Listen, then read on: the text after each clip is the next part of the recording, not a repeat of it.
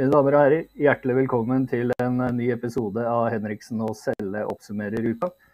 Denne uka så skal vi innom en rekke temaer. Vi skal prøve å komme gjennom eh, alle temaene vi har satt opp. Vi må en tur innom barnevernet, medias rolle. Vi skal så klart innom energipolitikken i Norge i dag, og hvordan det står til. Eh, vi må en tur innom en bokanbefaling. Forsvaret og privatiseringen i Forsvaret. Har det vært vellykka eller ikke? Støre har akkurat uh, vært ute i avisen angående krigen i Ukraina og sier at det er tid for forhandling.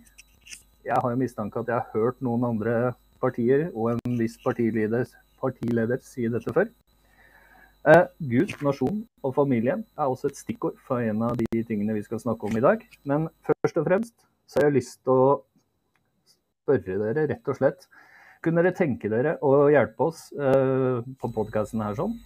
Så kan dere vippse til 83246 og merke det med podkast.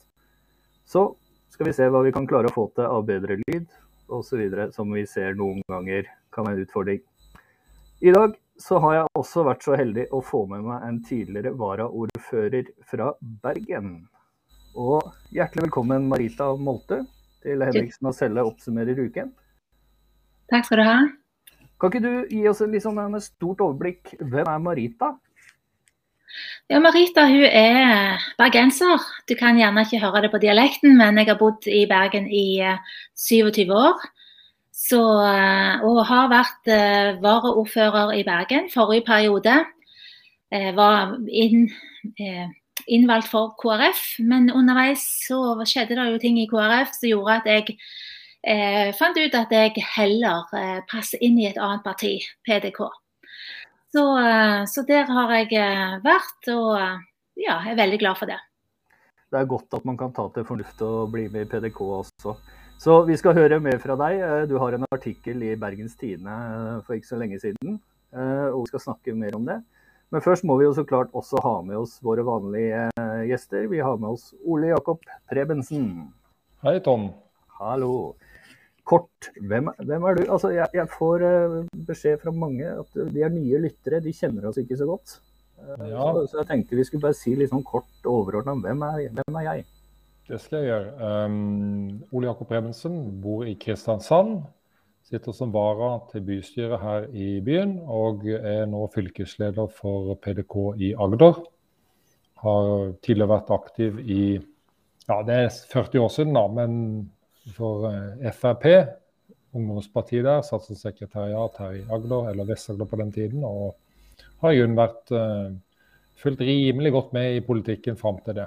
Dette begynte under Reagan sin tid som president, at interessen falt på plass for politikk. Og Det skal vi også innom litt senere, fordi vi har lyst til å prate litt om hva skjer i USA og norsk syn på den. Og ikke minst, eh, vi skal inn i et mellomvalg i USA som kommer til å være utrolig viktig. Ja. Igjen, du har også en artikkel. Eh, du har kalt det 'skjebnevalg for USA'. Så det gleder jeg meg til å prate mer om. Og ja. den siste vi skal ha med i dag, da, det er eh, mannen som eh, alle er glad i. Eh, vår fantastiske partileder Erik Selle. Hjertelig velkommen. Hallo, ja. Takk skal du ha. Jeg, sier det fordi det har vært en del debatt i enkelte aviser rundt uttalelser vi har hatt her på podkasten. Så vi må ha litt humor rundt at vi faktisk diskuterer det som opptar folk. Og når vi da klarer å engasjere folk til å skrive i avisene, så sier jeg at da har vi gjort noe riktig. Og så vil jeg takke alle dere som lytter, hører på, liker, deler osv. på alle mulige plattformer. Takk for at dere engasjerer dere. Det er det som kommer til å bringe Norge framover. Det er engasjement. Ikke at man sitter i sofaen og ikke gjør noe annet enn å klage. Men vi skal begynne først og fremst med eh, barnevernet. Nå har det jo vært artikler både i VG, i Dagen og flere andre aviser rundt omkring. Og jeg har lyst til å høre litt fra deg, Marita. Jeg skal ta opp artikkelen din også her nå, så folk kan uh, se det. Uh, du, du, skrev en artikkel fordi at du satte i gang en undersøkelse i Bergen som nå begynner å gi resultater. Kan ikke du fortelle våre lyttere litt om den, veien og hvor lang tid det har tatt? Det kan jeg godt gjøre. Og det er det mange som vet det i Bergen, men ikke alle vet det over hele landet. Og noen vil helst glemme at det har vært et, eh, en historie rundt denne dagen for lenge siden. Det skjedde, Mitt engasjement begynte i 2010. Eh, jeg oppdaget at det var noe spinnhakkende gale i barnevernet, og vil gjerne sjekke det nøye. Som bystyrepolitiker i Bergen så, så gjorde jeg noen runder, og jeg har hørt masse historier som, eh, som gjorde meg bare enda mer trygg på at her måtte vi gjøre noe mer. Vi kunne ikke bare sitte og se på at det var ting som ble gjort i barnevernet som ikke burde vært gjort.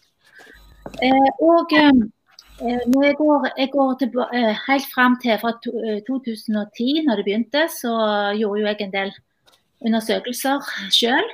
Og i 2017, da satt jeg som varaordfører. Og, eh, og var nestleder i helsekomiteen. Og der hadde vi en, en god gjeng som begynte å få opp øynene, de òg. Vi tok et uh, seminar i januar det året der. Og på, på, bakgrunn av at kritikken hadde vært så massiv at vi, vi, vi, vi mente alle at noe måtte vi gjøre. Så tok vi et seminar eh, der vi inviterte en rekke personer. Det har jo vært mange bekymringsmeldinger fra ulike personer i Norge. Eh, Gro Hillestad Tune og Einar Salvesen. Og det har vært eh, mange advokater og, og, psykologer som har sett problemet. Eh, og så, eh, På bakgrunn av dette seminaret som vi holdt, eh, det var jo rystende det som kom fram. Og det var en del som som faktisk kunne vise Tor Monsen var en av de som kunne vise til at de hadde gjort noe bra i Røyken. Så her mener jeg at byrådet hadde jo en mulighet til å gripe inn for oss å få litt hjelp og litt råd om hva de skulle gripe fatt i, og hvordan, hvordan man kunne få et godt barnevern. Det var jo det som var målet. Eh, og eh, vi så jo med en gang at byrådet var veldig arrogant. De vil ikke høre på eh, noe av kritikken det vil si, hvis de vil høre på noe av kritikken, så går, så går, det på den siden som handler om at barnevernet ikke griper inn når de absolutt bør gripe inn. For Det er den ene siden som er veldig alvorlig. Men den andre siden den handler om der barnevernet griper inn og traumatisere familier uten at det er grunn for det. De kunne ha hjulpet familiene på en mye enklere måte. Den delen mangler helt erkjennelse på i byrådet, og det har de gjort. Dermed så eh, gjorde vi det sånn. Eh, jeg var initiativtaker til den eh, interpellasjonen som kom inn i bystyret i mai eh, 2017. Da fikk vi altså flertall for å, å ta noen enkeltsaker der, der det har vært konflikter mm. mellom barnevernet og foreldrene. Eh, for å be et uavhengig eh, utvalg om å se nærmere på disse sakene. Og det endte opp med at det var ti. Vi fikk jo flertall, det var jo bare et mirakel eh, den gangen. Jeg var jo KrF da, og KrF ville jo ikke, absolutt ikke se på dette. De mente at nå må vi la barnevernet få ro, det var deres oppskrift på løsningen. Nå må de få Ja, vi må, vi må slutte med dette bråket. Så, så, um, så, de gikk sterkt imot, og Venstre gikk sterkt imot. Men uh, vi var altså to stykker i KrF den gangen. Elisabeth Lægul, som nå òg er med i PDK, og meg. Vi, vi, var helt tydelige på at dette måtte vi bare gjøre, og fikk altså flertall i bystyret. Dette ble eh, til ti saker som skulle gjennomgås, og eh, etter altså 2020 eh, og nærmere tre år etterpå så kom denne rapporten som nå blir omtalt som Fjell-rapporten. Mm. Og eh, jeg må bare nevne det òg at, at, når, når denne saken ble vedtatt i bystyret, det er det jeg skriver litt om i det innlegget mitt, når den ble vedtatt, så ikke bare ble det rabalder i bystyret, men Bergens Tidende kom eh, ved, Hun som nå er sjefsredaktør over hele avisen, hun sa den gang at dette var en barnevernstabbe av bystyret. Og eh, det var i beste fall meningsløst, i verste fall skadelig å gjennomføre en sånn undersøkelse. Med begrunnelse i hva? Ja, det var, det var, denne undersøkelsen med ti, ti, ti, eh, enkeltsaker. Men, men, begrunnelsen hennes, hva var begrunnelsen var at uh, det var man, man, brukte jo dette begrepet med at uh, hvis det var det bildet med, med et havari, hvis, hvis, et fly har gått ned, så går man inn og ser på det flyet som har gått ned, for å se om det var noe gale med det flyet. Og på samme måte så Man går ikke gjennom alle fly, eh, men man ser på de, de, flyene som har gått ned. Og Sånn er det òg i barnevernet, mente vi. At eh, man kan fint gå inn og se på en enkelt sak.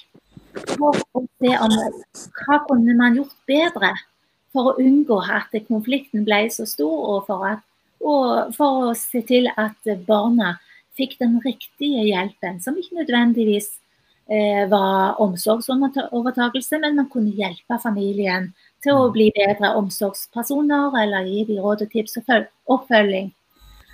Dette mente hun var helt feil, og, hun, hun, gikk ut og sa at byrådsavdelingen og administrasjonen burde vri om dette vedtaket, sånn at det ikke ble eh, sånn som vi hadde tenkt. Eh, etter mye purringer og, og Eh, ja, mas i flere år, så kom denne rapporten, og det ble den omtalte Fjell-rapporten.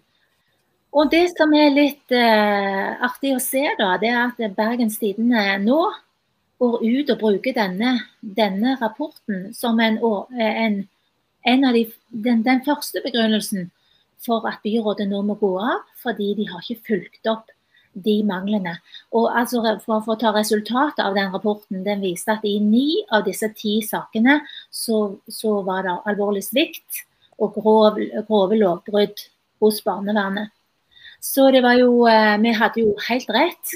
Eh, det er det jo ingen som har sagt eh, til meg eller noen av de andre. Men, men det var helt riktig det som, det som vi gjorde. Allikevel så ja, nå har de jo gått av. Byrådet gikk av pga. Eh, den manglende oppfølgingen som skulle vært gjort eh, over mange år, som de da ikke har gjort. Eh, de har sagt at de har gjort noe, men det er bare det at det funker ikke.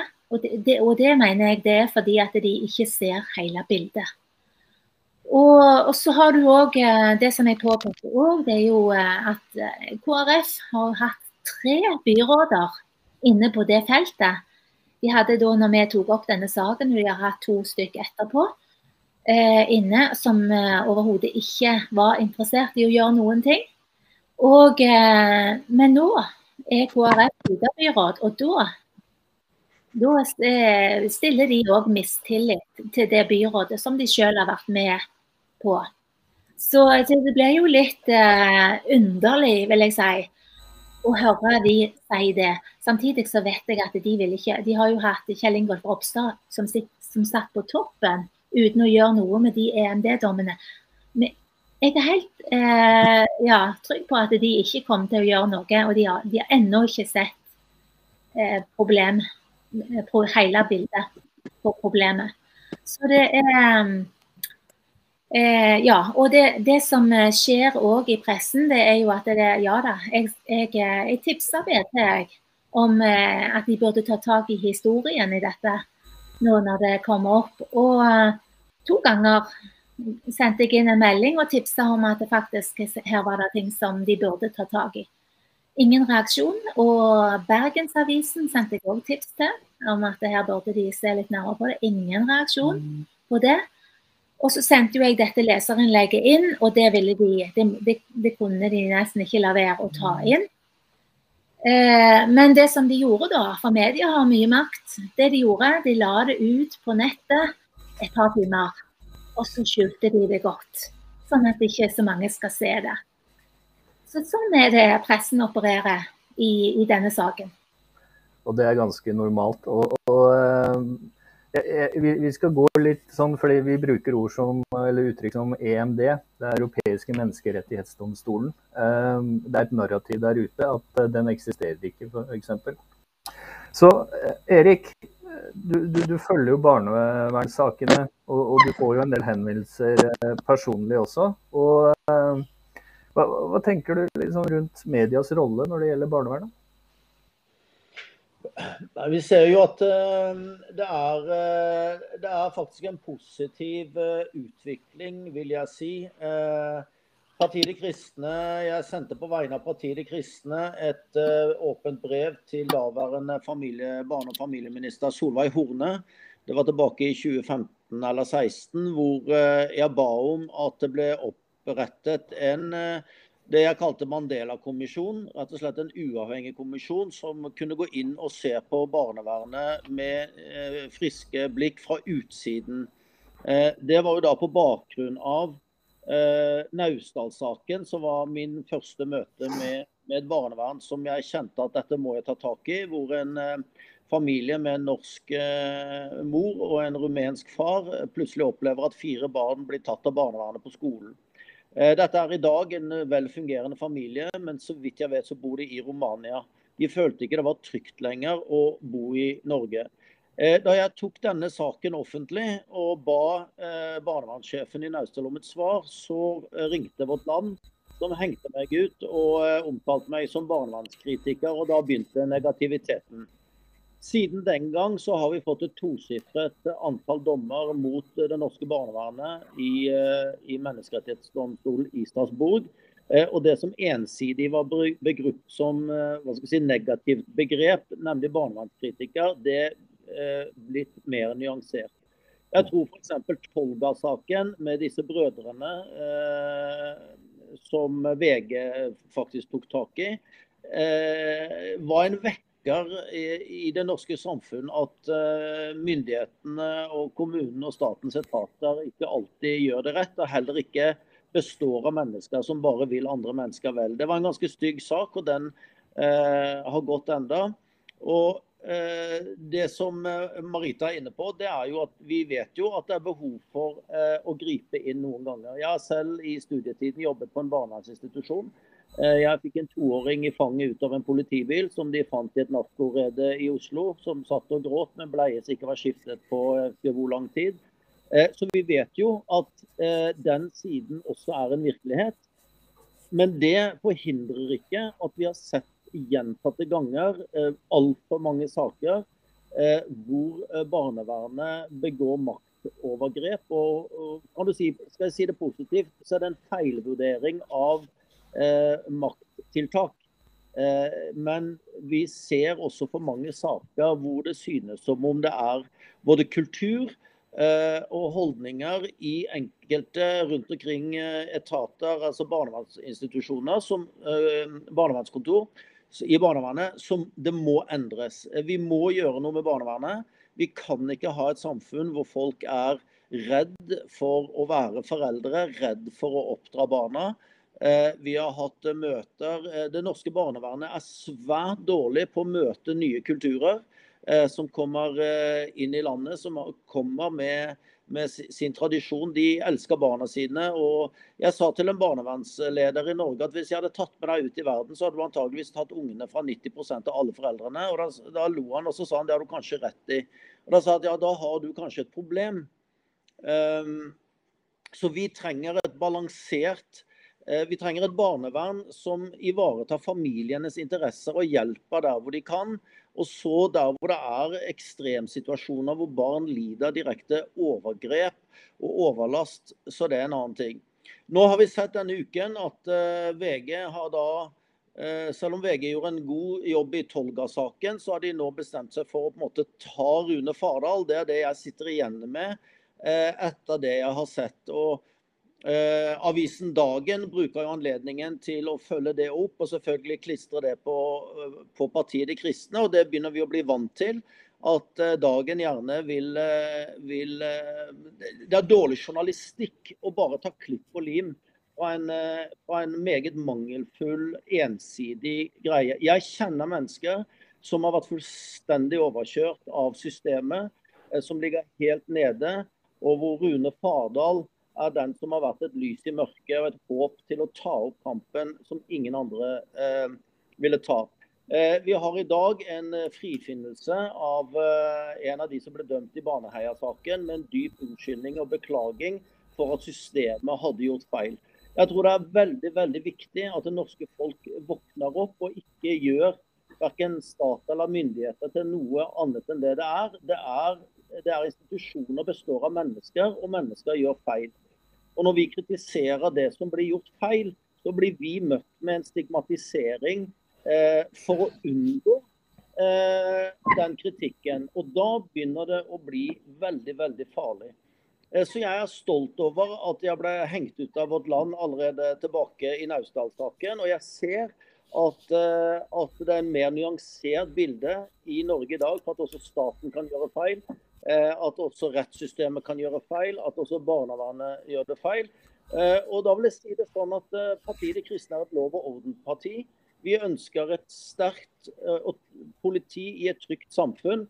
Men ønsker du et sterkt politi, så må du også være veldig våken mot politivold og politiovergrep. Derfor så støtter vi en etat som Politiets spesialenhet f.eks., som er satt til å våke over at politiet da ikke gjør overtramp mot sivilbefolkningen.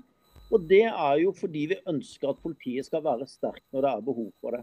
Og på samme måte så har Vi vi har sagt at inntil vi får en bedre løsning, så burde Politiets spesialenhet også etterforske og gripe inn barnevernssaker hvor det er en minste tvil om at barnevernet har gått ut over sine fullmakter eller gjort dårlige, alvorlige vurderinger. Og vi kjenner, Jeg kjenner familier som ikke lenger bor i Norge, som er flotte, fungerende familier. Som, eh, som ikke kunne eller torde å bo i Norge fordi de fikk barnevernet på nakken, for å si det litt folkelig. Og, og det, det, det er et Norge som ikke jeg vil ha. Helt klart. Eh, jeg har lyst til å gå litt tilbake til deg, eh, Marita. Du, du sier at uh, man kan plukke ut noen saker, og så var det saker der man burde ha grepet inn, og saker man ikke burde ha grepet inn. Hva, hva, hva ser du liksom som løsninga på dette for å få et mer nyanisert eh, barnevern? Ja, altså Løsningen på det er jo å gå inn og, og, først av alt så må de jo erkjenne at her er det flere sider, og her er det mye å ta tak i på den andre siden òg. Og jeg, jeg synes at når, når, eh, vi har eksempler i Norge med personer som har våget å se eh, og snakke om elefanten i rommet, sant? og våg å se på disse sakene som, som er litt krevende, eh, der barnevernet har gjort feil ting. Altså En ting er å si at vi hadde ikke ressurser fordi at eh, sant, så har vi, ikke, har vi, ikke, grepet inn. Men når de har grepet inn, så må vi iallfall være sikker på at eh, menneskerettigheter blir holdt, og at, eh, at, at, ting ikke forverrer seg i barnevernet. Og du får jo høre om, om overgrep på institusjoner. og det, det er ikke måte på det. Dette er godt dokumentert.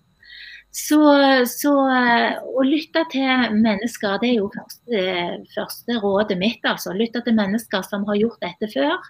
Jeg kan godt komme inn med noen gode råd jeg, til, til, de som skal rydde opp i dette, her, men de må, det må ryddes opp i. Og da må man våge å, å kalle en spade en spade. Eh, og det er det, det første trinnet. Og så, så må en, en, en, rett og slett endre holdninger i barnevernet og se på foreldre som, eh, som eh, eh, hva skal jeg si, høyst altså, verdifulle mennesker, de òg. Som kanskje ikke er helt eh, eh, perfekt, som ingen av oss er. Men det går an, noen, i noen tilfeller går det an å tenke at her kan vi hjelpe, istedenfor å, å gjøre sånne overgrep som Erik Selles sa her. Og du som lytter sånn, og stemme, stemmegiver, Erik, litt øyeblikk. Du som er lytter og kan stemme, hvis du har lyst til en endring, så stemmer du Marita Molte inn på Stortinget i 2025. Sørger for at PDK kommer i posisjon til å være med i en regjering. Og så skal vi sammen se om vi ikke kan få et familievern på plass. Erik? Ja, så, så, vet vi at vi har eh, ungdomsinstitusjoner drevet av barnevernet som eh, faktisk eh, Jeg har snakket med folk som jobber der, som, vil, eh, som vil være anonyme. Som forteller om ganske kritikkverdige forhold. Jeg har selv gått på internatskole i, i sin tid. Eh, og fra, fra internatskolehistoriene så vet vi at det er fort, hvis ikke sånne miljøer Eh, blir på en måte sett i kortene fra utsiden på en sunn og god måte, så kan det veldig fort skje overgrep og, og vonde ting. Og Når vi har f.eks. en som uh, ung jente som Tonje Omdal, som har vært altså utsatt for en ekstrem eh, dårlig behandling av barnevernet, som har altså venner på disse ungdomsinstitusjonene som bare vil hjem. Eh, du kan altså gå på ungdomsskole og få angrepille uten at foreldrene dine får vite det. Du kan skifte kjønn i Norge i dag yngre enn folk får lov til å si på en barnevernsinstitusjon at jeg vil flytte hjem til mor og far det, det, er noe som ikke henger sammen lenger i, eh, i, lovverket vårt. Og dette minner om bare maktinstitusjoner som vil beskytte seg sjøl. Man snakker veldig mye i dag om tillit eh, til, eh, til, myndighetene. Vel, myndighetene kan ikke kreve tillit. Eh, myndighetene kan erverve seg tillit. Og Da er det viktig at eh, det vi ser nå av ren trakassering av eh, Tonje Omdal, det, det, må ta slutt. Hun bør få eh, støtte. Det, det, jeg bruker det bare som et eksempel. Eh, fordi at eh, i dag så vet alle foreldre at eh, de går Mange foreldre som har opplevd på skolen mobbesituasjoner som ender i barnevernssaker. Eh, man, man, er nesten redd for, for, barnevernet, for de vet at de kan gripe inn. Men hvem, hvem påser at omsorgsevnen til barnevernet er godt nok? Det er en missing faktor i hele systemet. Og vi som prøver å påpeke at eh, jeg vil si at det er politikernes rolle først og fremst. Det er de kommunale politikerne som disse institusjonene bor under, sitt fremste ansvar å påse at omsorgsevnen til barnevernet i kommunen er godt nok. Og Da vil jeg oppfordre alle folkevalgte kommunepolitikere til faktisk å bry seg om Jeg er sikker på at Mange av de vet ikke engang at de har slike institusjoner i kommunen. Langt mindre verdt enn noen gang. Men da har de altså et ansvar for at de ungdommene har det bra. Og de, hvis man skal iverksette omsorgsovertagelse fra hjemmet og foreldrene, som er jo minstekravet at omsorgsevnen er bedre der hvor de kommer. Eh, og det, jeg, jeg, har for mange, det er for mange som har kommet til meg som partileder de siste årene. Jeg har sittet med for mange mennesker som har de verste historiene, som jeg nesten ikke trodde var sant i Norge. Og det, det, det spiller ikke noen rolle hvor mye stigmatisering eh, man prøver å, å, legge på dette. Vi vet at dette er en, en, eh, en elefant i rommet som noen må adressere. Uh, og den kampen det er en menneskerettighetskamp, det er en rettferdighetskamp. Uh, og det er et kamp for et godt samfunn, og det er et kamp uh, for de svakeste, gjerne. Og den kampen må vi ta. Det skal vi ta. Den har vi tatt. Vi har allerede begynt. Vi er på vei, og vi skal fortsette å ta den kampen. Men for å rekke alt vi skal i dag, så må jeg gå videre. Og Ole Jakob, du, ja. du, du, er en eh, mann med mange meninger, og eh, den siste jeg fant her nå, den er i Fedrelandsvennen, der du er litt misfornøyd med Fedrelandsvennen og dems manglende interesse for fakta når det gjelder å beskrive mellomvalget i USA som kommer nå. Kan ikke du dra oss litt Hvorfor skal vi i Norge bry oss om mellomvalget i USA?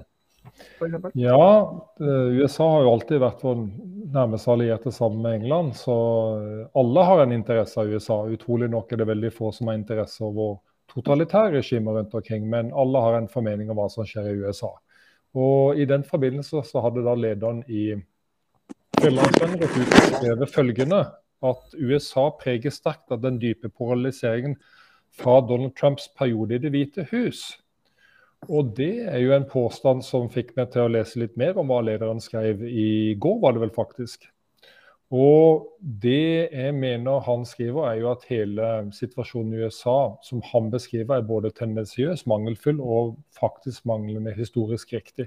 For det er ikke noe nytt at USA gjennom Trump blir polarisert. Det det som skjedde, dette skjedde helt tilbake til Clinton og hans eh, nesten riksrettssak med Monica Lewinsky, som Ken Starr holdt på å etterforske. Nå ble det kompromiss der, men etter det så gikk eh, neste president, George W. Bush, gikk ut til angrep på Irak. Det splitta nasjonen kolossalt.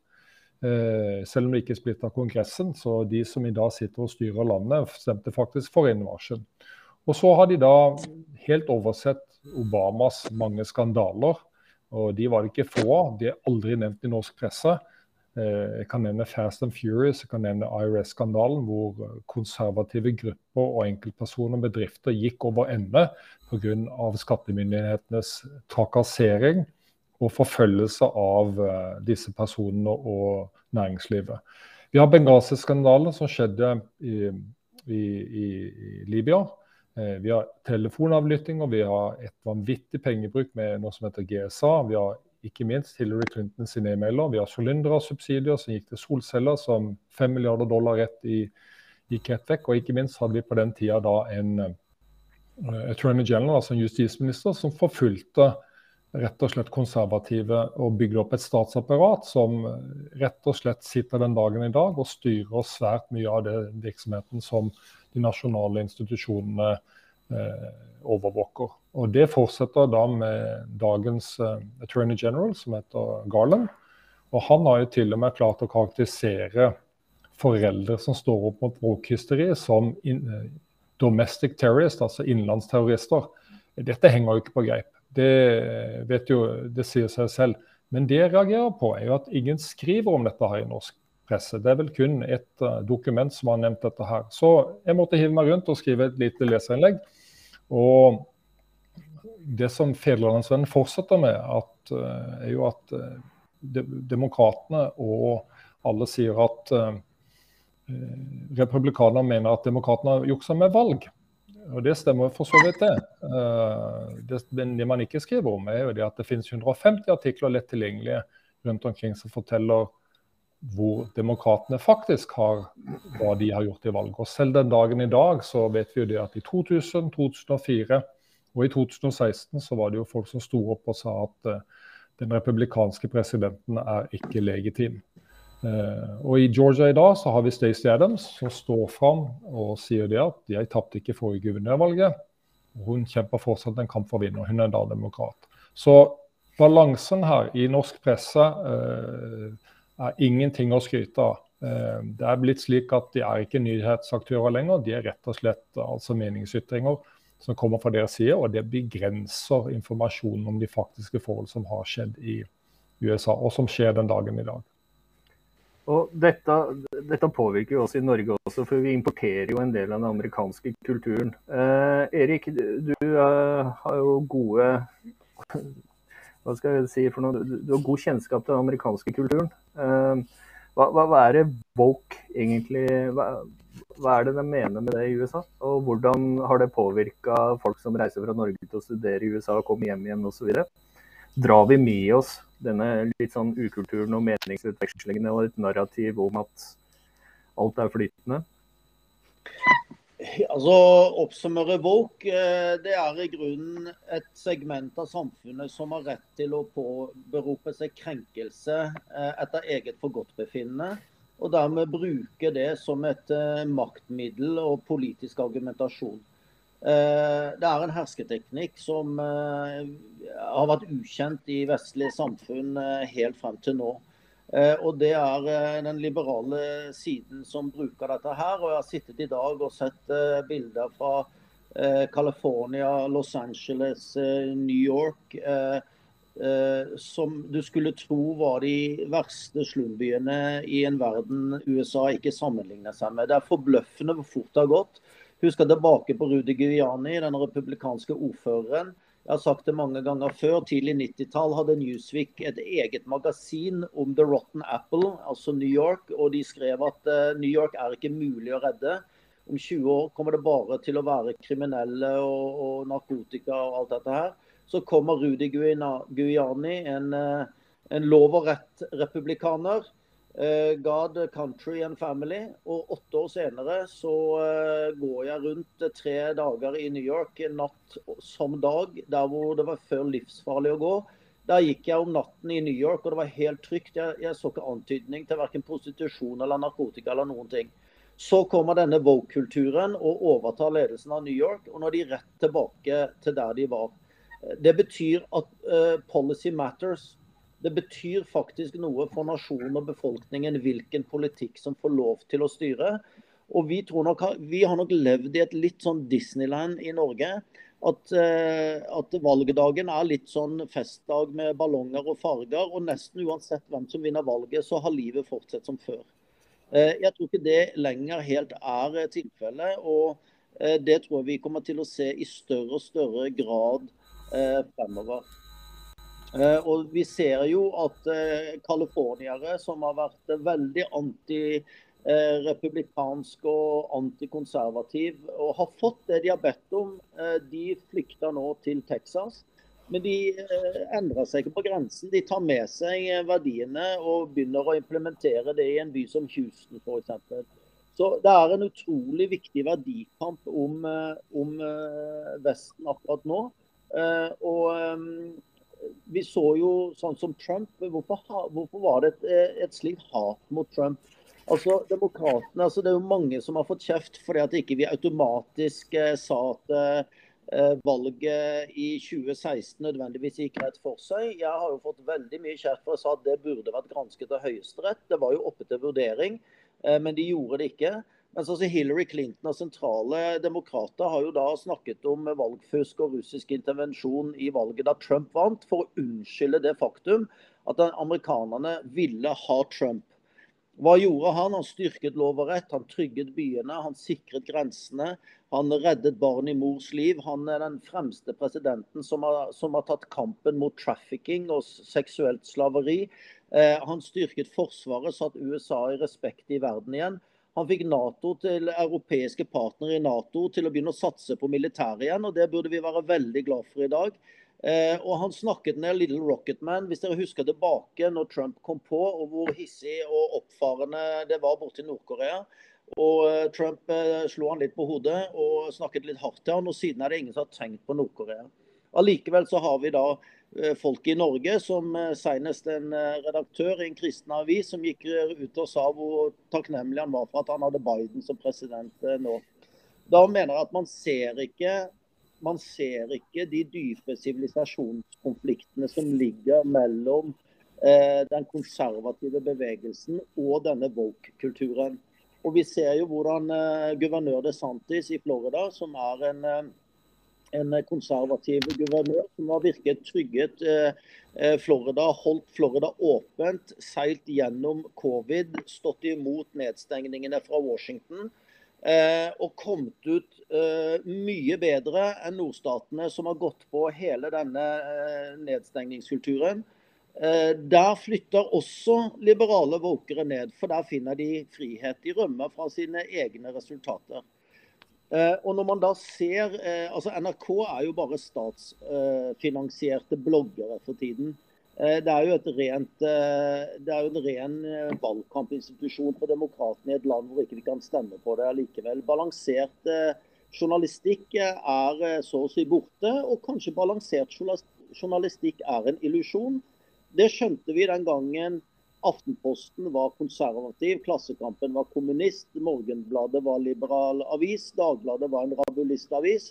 Og, de kristne, og Dagen var fremdeles en verdikonservativ kristen avis.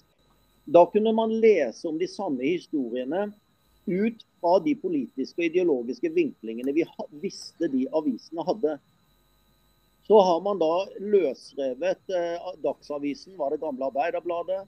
Og eh, Aftenposten ble jo da overtatt av en gammel eh, Dagbladet-journalist. Og eh, så har man blitt lallet inn i en illusjon om en form for journalistisk objektivitet når det er mer aktivisme enn noen gang. Og det tror jeg det har tatt litt tid for nordmenn å forstå. Men jeg tror det begynner å dømre litt nå med de store tingene som skjer. Så det å se på eh, mediene Det har jo nesten vært vanligst i Norge å kritisere mediene. Altså Bare hør på redaktørene og journalistene. De går fullstendig vranglås når de selv blir gransket. Deres eget ståsted blir problematisert. Um, og så kommer det da nye dissenterbevegelser som Resett og nå i-nyheter og Dokument, som har blitt prøvd og på en måte, hetset ned av MSN. Hvorfor det? For å beskytte den maktposisjonen de har. Og Derfor så sier partiet De kristne at vi må fjerne pressestøtten. Vi må balansere mediebildet. Vi må få et Demokratiet har behov for et mediemangfold også i innhold og substans.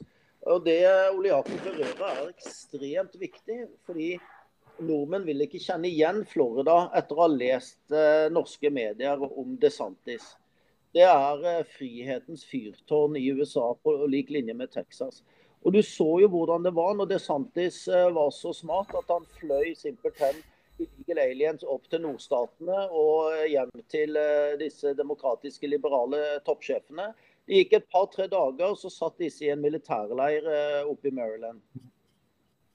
Så det, det er et hykleri i, i, dette her som er, er helt uh, uten sidestykke. Og det er for demokratiets overlevelses skyld svært viktig man ikke får et medie hvor alle, altså en, et mediebilde hvor alle journalister er avhengig av hverandre og redaktører er avhengig av hverandre, fordi at man er alle avhengig av karriereutvikling. Vi trenger faktisk et balansert mediebilde hvor medier skal være den fjerde statsmakt. De skulle på en måte holde makt, myndighetene myndigheten i sjakk. Nå har de selv blitt en del av det, det er ikke noe tvil om.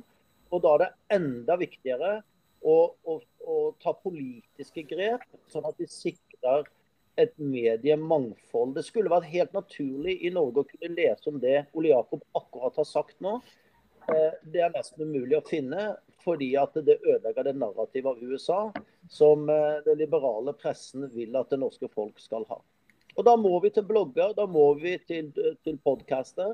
Eh, da må vi til heldigvis alt den nye mulighetene som har kommet opp, først og fremst gjennom, gjennom hva skal si, internettproduksjonen og sosiale medier. Uh, og Derfor sitter vi her på denne podkasten også. Og jeg, jeg, har lyst til å spørre litt, Marita, du har jo vært med i politikken så lenge. Altså, hvordan har du opplevd at uh, pressen har forandra seg i forhold til når du starta? Ja, altså pressen uh, Det som er Jeg syns det faktisk er viktig å prøve å ha en god tone med pressen.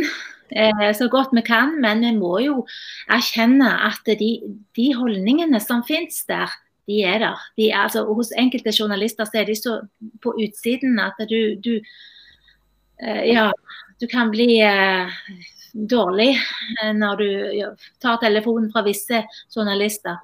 Men, men, jeg har jo opplevd opp igjennom at de har prøvd å ta oss. og ikke, Noen ganger så har de tatt oss urettferdig. og og, men, men, i det lange løp så har flere av de kommet tilbake og, og gjerne snudd litt grann, eh, på holdningene sine eh, mot oss. Men, eh, men det, det, er klart at det er holdninger. Og, de, og, i denne saken som vi var inne på om barnevannet, så er det jo klart at media sin agenda er helt klar. Og er, de har en agenda på avsporing på selve saken. For de ønsker ikke at vi skal vinne. Eh, det er ikke noe å vinne her, altså. Men, men denne saken vil ikke de gjøre noe med. Og, Og, og, Det er jo det vi ser mer og mer av, et, narrativ som blir eh, medias eh, styrt. da. Eh, der man før kanskje hadde fem medier, og NRK var den største, så ser vi i dag et mediemangfold da, der man kan lese, som Erik sier. Og ut ifra det, for å bare gå videre, altså vi, det er så mye interessant å prate om. Og, og det, den gjengen som sitter der, er så kunnskapsrik. Så jeg må bare kjøre videre. Og Ole Jakob, energipolitikk.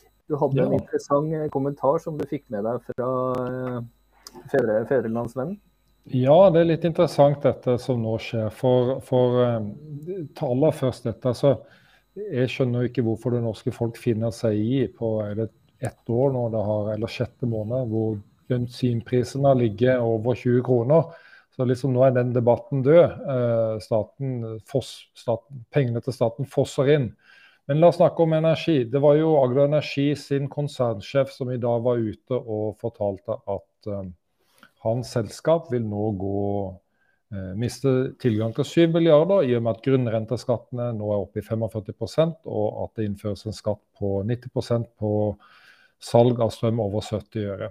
Så man kan si det, ja, men de tjener masse penger som det er. Men forskjellen er det at dette kommer ikke, dette kommer ikke forbrukerne til gode. Ola Nordmann trenger penger han nå for å kunne betale disse regningene. Og, så det er staten som tar disse pengene.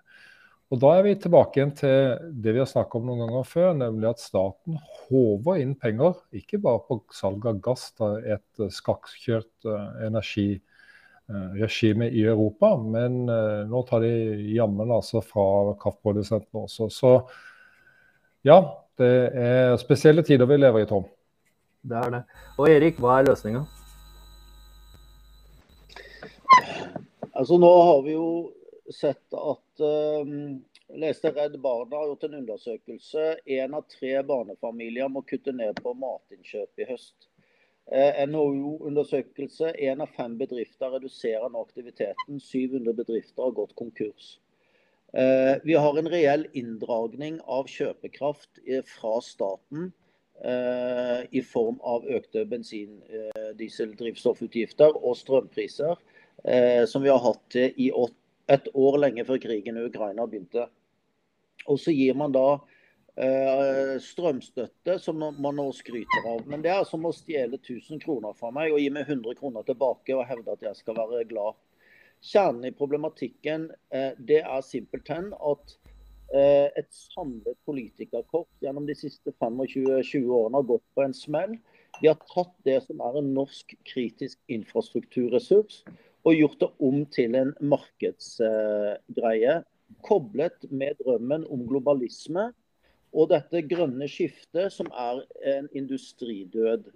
Eh, når man da tar, eh, hvis, du, hvis, du, hadde eksportert så mye vannkraft du kunne i Norge til Europa, så hadde du utgjort mindre enn 1% av kraftbehovet i Europa. Eh, og når Tyskland og eh, disse landene har ut, eh, altså utøvd en idiotisk energipolitikk og kutta kildene til energi uten å sikre at de har et alternativ, så går jo prisen opp. Hele problemet er at norsk vannkraft skulle aldri vært koblet til det europeiske energimarkedet. Det har vi gassproduksjonen vår til og oljeproduksjonen vår til. Vi skal produsere så mye gass vi kan. Og nå er det til og med demret for de verste klimafanatikerne at vi må fortsatt produsere olje og gass. Eh, så den, eh, den, debatten kanskje vi kan nå slippe, og ha mer nedsnakking av olje- og gassindustrien. Så det Vi må gjøre er at vi må ta vannkraften tilbake. Den må ut av det eh, europeiske kraftmarkedet. Vi har overproduksjon av gass i Norge. og Det er ikke slik at norsk kraft, vannkraft, er en form for stabil, eh, uendelig eh, energileverandør. For det er avhengig nettopp av eh, vær og vind og nedbør. Og Da må det reguleres til at norsk kraftkrevende industri faktisk har sitt, et av sine få konkurransefortrinn, nemlig energi, billig energi i Norge. Og Det betyr da at du må Erna Solberg og Jonas Gahr Støre må som vi sier eh, på godt kristent maner, omvende seg fra denne globalismen og erkjenne at deres oppdrag er å ivareta den norske nasjonalstaten og norske borgere og norske industriers interesser. Jeg tror at det vi ser, eh, det er en konservativ vind som blåser nå. Eh, og den, Det er egentlig en, en, konservativ, klassisk vind, hvor man står opp for nasjonalstaten, man står opp for familiene, man står opp for kristenarven i Vesten. Det omtales av venstreradikale postmodernister som fascisme og, og alle, alle, de stygge ordene som de selv tror de kan bruke. Det må bare prelle av. Fordi at Vi kan ikke la venstreradissene definere eh, hva folk er. Vi ser Italia nå med en kvinnelig statsminister som står opp for Gud, nasjon og familie, som eh, har tatt et oppgjør med eh, radikal kjønnsideologi, volkideologi og inntog av islamske verdier i nasjonen. Hun er imot abort og aktiv dødshjelp og omtales som nyfascist. Eh, det er det klimaet som vi er i. Så jeg tror at det er en av de viktigste oppgavene for en regjering og et lands myndigheter. Det er faktisk å sørge for rimelig energi til befolkningen. For hele samfunnsmaskineriet er basert på kostnadene på energi. Eh, så må man ivareta trygghet og sikkerhet, og så er det noen kjerneverdier. Men hvis man ikke er enig om at det er nasjonalstaten som er første oppdrag, da ser vi det som Jonas Gahr Støre, Erna Solberg og deres haleheng på begge sider har gjort. De har tatt norsk nasjonal kritisk infrastruktur og gjort det til en eh, europeisk vare. Og det Senterpartiet sa at Norge skal være det grønne batteriet i Europa, ja hva skal vi gjøre da? 1% av behovet under det kan vannkraft dekke. Da må man se til andre kilder. Dette er en komplett fallitt. Og jeg forstår ikke at velgerne eh, senker Arbeiderpartiet og går til Høyre når Erna Solberg har sagt at hun vil ikke gjøre noe annerledes med energipolitikken enn det Støre har gjort. Så vi går imot denne, kanskje den mest alvorlige situasjonen eh, i norsk historie. Hvor det er de fattigste som får smellen. Eh, det er de som sleit med å få det til å gå rundt fra før av, som helt uforskyldt har fått enorme kostnadsøkninger. Eh, jeg snakket med en bedrift som hadde hatt strømpriser på 13 000 i måneden, som nå snakket om 40 000 kroner i måneden i strømutgifter. Altså, du skal ha jo en salgsutvikling eh, av, eh, av, dimensjoner for å kunne ta inn en sånn eksplosiv kostnadsøkning som, det, som er politikerskapt. Uh, og det, dette, dette, er så dypt alvor at uh, høyre- og venstreaksen i norsk politikk er ikke relevant lenger. Uh, skillet går mellom de som fremdeles tror på å bygge nasjonalstaten, og de som faktisk bryter ned nasjonalstaten for overnasjonale avtaler som binder Norge, som tar makten ut av velgernes hender.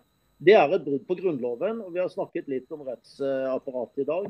Jeg savner en rettslig etterprøving av en del av disse store avtalene som er gjort av både Arbeiderpartiet, og Høyre og deres haleheng opp mot Grunnloven. Helt klart. Og i den forbindelse, har du en bok man burde lese? Hvis man er opptatt av, disse, noen av disse dypere temaene du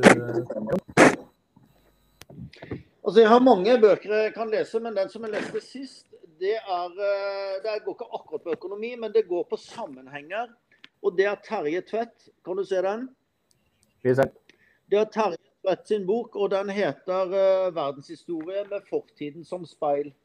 Uh, og det var En som sa at det eneste vi lærer av historien, det er at vi aldri lærer av historien. Men den boken den er veldig nyttig også for å forstå samtiden. Og til neste gang så skal jeg ta med en bok som faktisk går på det vi snakker direkte om nå. og Den skal jeg presentere neste gang. For det er mye litteratur der ute. Men hvis informasjonstilfanget ditt er er eh, Dagsrevyen og eh, VG, så, så, vil du rett og slett ikke ha kunnskap nok eller oversikt over det som faktisk skjer, til å kunne ta en rett beslutning både i eget liv og for nasjonen.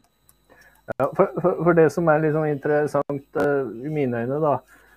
Hva, hva er feil med å si Gud, nasjonen og familien? Kan, Marita, er det noe feil i å si det? Nei, absolutt ikke. Men det viser jo bare hvor, hvor langt det har gått det som før var helt eh, sunn fornuft, er jo nå blitt spinnhattende gale å, å, tenke. Sånn som med to kjønn, f.eks., eh, som eh, alle vet det, det er der. Nå er det, jeg vet ikke hvor, De vet ikke selv hvor mange kjønn det er. Altså, det er total forvirring der ute. Og, og dette med, med, synet på at vi, vi ikke lenger skal Jeg, jeg ble litt sånn overraska over en pastor i Bergen som sa det at eh, nei, eh, PDK var ikke noe bra fordi flagget kom foran Jesus. Eh, og, og nei, for det, så sier jeg det at kongen har jo et motto som heter 'Alt for Norge'. Er du, Syns du det er dumt òg? sier jeg. Og da svarte han at ja, egentlig skulle han ha hatt det mottoet i alt for, no, alt for Jesus. Ja. Det, det, det, er Altså, jeg begriper ikke at ikke lyset går opp for, for, flere at det er ja, Norge og, og samfunnet er på, har sporet av, kan vi si. Eh, og, og, da gjelder det om å være våken. og det, det syns jeg at vi kristne kan være, være flinke på. Men det, det virker som veldig mange har sporet av, og det er litt trist å se. Men Tom, la meg skyte inn at uh, det er jo allment kjent at uh, eh, 80% av journalistene stemmer på venstresiden til radikalt venstre. Når, hvis du har 80% som er langt på venstresiden, som skal rapportere da f.eks. fra et valg i Italia, hvor altså 85% av italienerne er kristne eller med i den katolske kirke, hvor nettopp disse verdiene står veldig sterkt, så sier det seg selv at du har et ytterpunkt som skal rapportere balansert om et annet ytterpunkt. Du skjønner jo at uh, her vil du som uh, vanlig mann og kvinne i gata du, du sitter, Det er en del filter informasjon går igjennom eh, før den når deg. og Det er derfor det er så viktig for demokratiet at vi faktisk får et balansert mediebilde. hvor ingen medieinstitusjon får hva skal jeg si, en monopol på hva som er den rette gjengivningen. Og Derfor så er det ganske skandaløst at de store norske medieinstitusjonene etablerer faktisk.no, som da blir en form for overkikkador, som faktisk da samarbeider med Facebook om hva de tillater når eh, befolkningen av opplysning. Eh, det er jo et, et grep som, som, ligner på nasjoner vi ikke sammenligner oss med. Eh, og at det ikke blir eh, diskutert, det forstår jeg ikke. Og når leder av Ytringsfrihetskommisjonen legger frem en rapport som nærmest uh, uproblematiserer alt dette, selv sitter i styret i dette systemet, så, så er det et uh, sammensurium som blir håpløst for vanlige mennesker å egentlig nøste opp i. Eh, og, og, dette er jo en, det er jo da en bevisst kamp om narrativet. ikke sant? Og Derfor så blir, inntil velgerne stemmer oss inn, så vi får ryddet opp i medielandskapet og får en mer balansert mediepolitikk, så blir dette med, med, med podkaster og nye medier og sånn, det blir ekstremt viktig for demokratiet. Helt klart. Og eh, med det så må vi jo så klart eh, innom vår statsminister. Han eh, sier rett og slett at mangel på kontakt med Russland kan være farlig. Og hvis ikke jeg husker helt feil eh, de siste mange månedene, så har vi i podkasten her eh, egentlig sagt det samme, har vi ikke det, Erik? Jo, vi har sagt akkurat det samme. Vi har påpekt at eh, de sanksjonene som skader Norge mer enn har noe effekt i konflikten, det må vi revurdere. Og da fikk vi grisekjeft eh, for at vi snakket om å ikke bare blindt etterfølge sanksjoner. Eh, og Det er jo et, et lavmål som er påfallende. fordi Hvilke sanksjoner man skal bruke, det er jo en konstant debatt i både USA og Europa, helt åpent. Eh, vi eh, tok til orde tidlig i en podkast for eh, African Union fryktet hungersnød i Afrika hvis ikke det kom mat ut fra Ukraina til Afrika. Vi fikk kjeft for det. Men FNs generalsekretær og Erdogan i Tyrkia de tok tak i det. Og de fikk en avtale som varer nå til 19.11, 120 dager. Så det vi sa måtte gjøres, det ble gjort. Vi fikk kjeft for det, og ingen har snakket om det etterpå. Nå sier statsministeren at uh, det må ende med en, uh, en forhandlingsavtale. Og han uh, sier at det er vanskelig, men, men kornavtalen fra juli viser at det er mulig med forhandlinger. og dette har vi sagt hele tiden. og og jo, Vi har jo noen notoriske aktivister som liker å, å vri og vrenge på det vi sier. Men det viser seg at det vi har sagt i, eh, med innestemme hele tiden, det kom nå fra statsministerens munn på pressekonferanse eh, i går. Eh, og Det tar jeg som et positivt eh, signal. At, eh, at eh, det er et alvor. krigen er inne i en mer alvorlig fase enn den noen gang har vært. og Det begynner å, å demre for eh, noen annen hver. Og jeg, jeg, er veldig glad for de signalene fra Støre i går. Jeg syns de, eh, de, er fornuftige. De viser eh, ansvarsfølelse både for nasjonen og for Europa.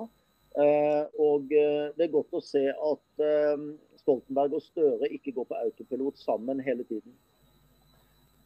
Helt enig med deg, Erik. Og så har jeg lyst til å spørre dere, vi, vi, vi går inn i siste minuttet her nå. Tulsi Gabbard. Har dere fått med dere videoen hennes nå i det siste? Ja da. Hva, hva, hva, hva, tenker dere om at en demokratisk presidentkandidat går ut og sier at nå har verden gått av hengslene, som Marita var inne på her litt før.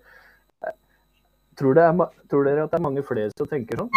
Marita, altså opplever du at folk rundt deg tenker det samme, liksom, at nå, nå har verden gått veldig av hengslene?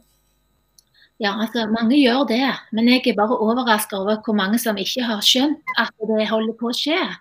Så det, det ryster meg litt, det der. Eh, men jeg er jo glad for hver eneste en som, eh, som begynner å tenke litt sjøl. Som ikke bare eh, går på mainstream, som Erik var inne på òg, men som, som, undersøker forskjellige sider av saken og, og tenker igjennom hva, hva, hva, er sant og hva er ikke sant. For vi har eh, fått en evne til å vurdere og skille eh, på, på, ting og tang. Så, så jeg syns det var litt tøft av henne å gå over, gå ut av Demokratene. Nå vet jo ingen om hun går inn i Republikanerne, men det ser jo gjerne sånn ut. Hun Tulsi. Ja, det spekuleres veldig, og uh, for vi som følger med, så kommer hun til å stille som uavhengig. Tip, mitt tips. Uh, Ole Jakob, ja. tror, tror, tror, du også at det, flere vil liksom våkne opp og si at denne woke, kjønnsideologi, vekk med familien, fri abort fram til fødsel, kanskje til og med etter fødsel osv. Begynner det å, å komme i samfunnet liksom tilbakeslag? Altså. Ja, jeg håper det. Eh, det som skjer, er jo at vi, hvis vi er alle i en situasjon hvor det er svært svært store forandringer. Vi har kommenteringsterapiloven som kommer på plass. Lov om likestilling og diskriminering som er allerede på plass. Eh, vi ser at eh, den virker litt ujevnt på hva slags bakgrunn man har. Men jeg tror det vi har diskutert i denne timen her, gjenspeiler veldig mye av det som vi opplever eh, også skjer i USA med Tulsi Gabbard. Det er, ikke, det er ikke uten grunn at hun forlater demokratiske partiet. Eh, jeg selv vil ikke bli overraska om hun stilte som visepresidentkandidat for republikanerne, men det får nå så være. Det, det, som skjer, er jo det at vi, vi har en form for ytringsfrihet som begrenser seg til hvem som slipper til i media. Og når det ikke er eh, tilgjengelig for alle, så, så, vet vi det at da, da, begrenser man ytringsfriheten til de grader. Eh, derfor har vi denne podkasten. Derfor er jeg veldig glad for at vi slipper til i enkelte medier her i, her i Norge. Men vi er nødt til å stå opp for sannhet og for, prøve å få balanse i det som skjer. Helt klart. Og Erik, vi, vi, kommer til å kjøre eh, vi skal kjøre tre minutter til, fordi jeg har en sak til som liksom, Forsvaret, privatisering. Har det vært en uh, suksess? Uh, nei, det er jo uh, et folkerettslig problem. Men jeg har bare lyst til å kommentere Tulsi Gabbard. Fordi hun, uh, hun, er en, altså hun, er en, war veteran, som det heter. Vært i jeg tror det var i Irak. hun er vel oberstløytnant, tror jeg, i Nasjonalgarden. hun har en ganske høy standing. Hun har hatt en periode i Representantenes hus. Og det at hun går ut av Demokratene, viser hvor smalt det er Eh, USA er et topartisystem, men det viser altså det er ikke rom for henne i Demokratene. Og hun har altså kritisert eh, det militære komplekset i USA. Hun har, hun har kritisert Biden sine, sine uttalelser rundt eh, Russland, eh, Putin, eh, og alt dette her. Eh, og det viser jo at det er ikke rom for debatt. Eh, det er en form for ensretning, en suggesjon, som i, i, i historisk har vist å være veldig farlig når man ikke lenger har rom for, eh, for debatt. Eh, så jeg syns at det står en enorm integritet ut av Tulsi Gabbard. Hun har virkelig vist at hun eh, reiser seg på det hun mener er rett. Den, eh, jeg, mener at, jeg synes også å se at hun har hatt en økende konservativ dreining eh, ettersom hun har reist seg og sett hva krigen, eh, altså den sivilisasjonskampen står i. Så har hun også funnet, funnet trygghet i, i, Hun har funnet seg selv i den konservative leiren, som jeg tror også er en prosess hun har vært i.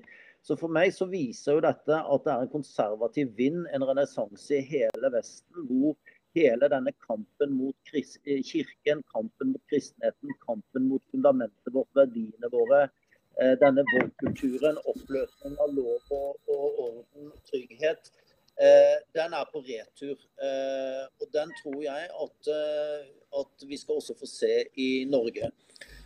Og så til Forsvaret. Nei, vi har sagt i ti år at vi har talt for beredskap. Og, og oppbygging og styrking av forsvar, overvåking, beredskap. Ehm, politikerne har gjort det motsatte.